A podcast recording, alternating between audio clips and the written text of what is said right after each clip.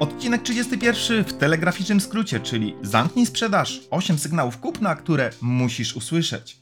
Zagadujemy, zagadujemy i jeszcze raz zagadujemy klientów i wtedy nie słyszymy, czy tak naprawdę to jest dobry moment na to, żeby zamknąć sprzedaż. Więc 8 konkretnych sygnałów kupna, które wysyłają twoi klienci. Sygnał pierwszy. Pytanie o szczegóły. Jeśli klient zaczyna zadawać szczegółowe pytania na temat produktu czy też usługi, typu proszę powiedzieć mi coś więcej, jak dokładnie to działa, czy w sytuacji, w której będę potrzebował pomocy, to mogę na was liczyć, to to jest pierwszy sygnał, który mówi o tym, że powinieneś zamknąć sprzedaż. Sygnał drugi, dostrzeganie wartości, kiedy klient zaczyna mówić o korzyściach, które zrozumiał z Twojej prezentacji, produktu czy też usługi, jest to znak, że widzi wartość w tym, co oferujesz, więc Twoim zadaniem jest tą sprzedaż zamknąć. To by mi się przydało, to rozwiązanie może mi ułatwić na no tak, tego nam brakuje, aby działać efektywnie. To jest ten moment, w którym Ty zamykasz sprzedaż. Sygnał trzeci. Brak pytań. Jeżeli klient nie ma więcej pytań, to może to być sygnał, że jest gotowy, żeby przejść do następnego etapu procesu sprzedaży, więc wykorzystaj to. Kiedy klient mówi, już wszystko wiem, mam pakiet informacji, okej, to już wszystko jest jasne, to nie jest moment na ciszę, to jest moment na to, żebyś tą sprzedaż próbował domknąć.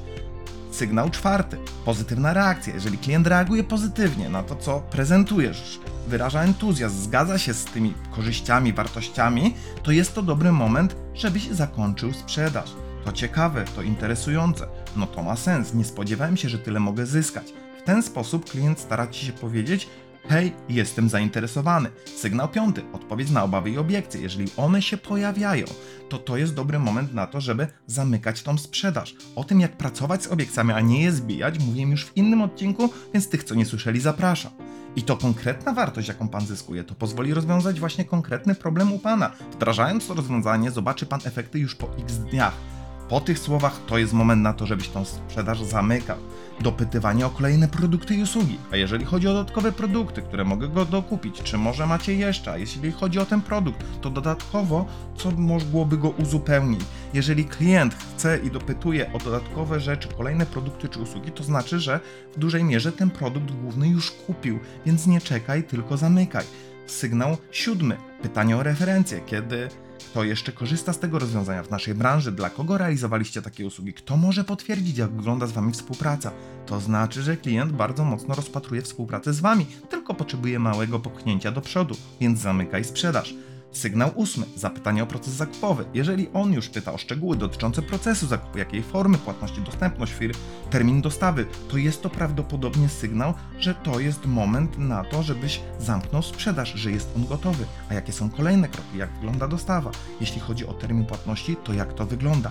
Klienci nie dopytują o szczegóły samego procesu, jeżeli nie rozpatrują zakupu Twojego produktu.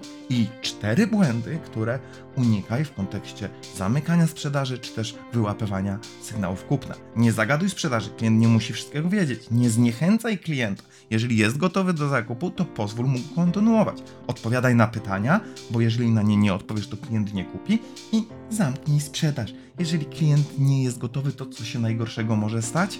I to by było na tyle w 31 odcinku w telegraficznym skrócie, czyli zamknij sprzedaż 8 sygnałów kupna, które musisz usłyszeć. Do zobaczenia w kolejnym.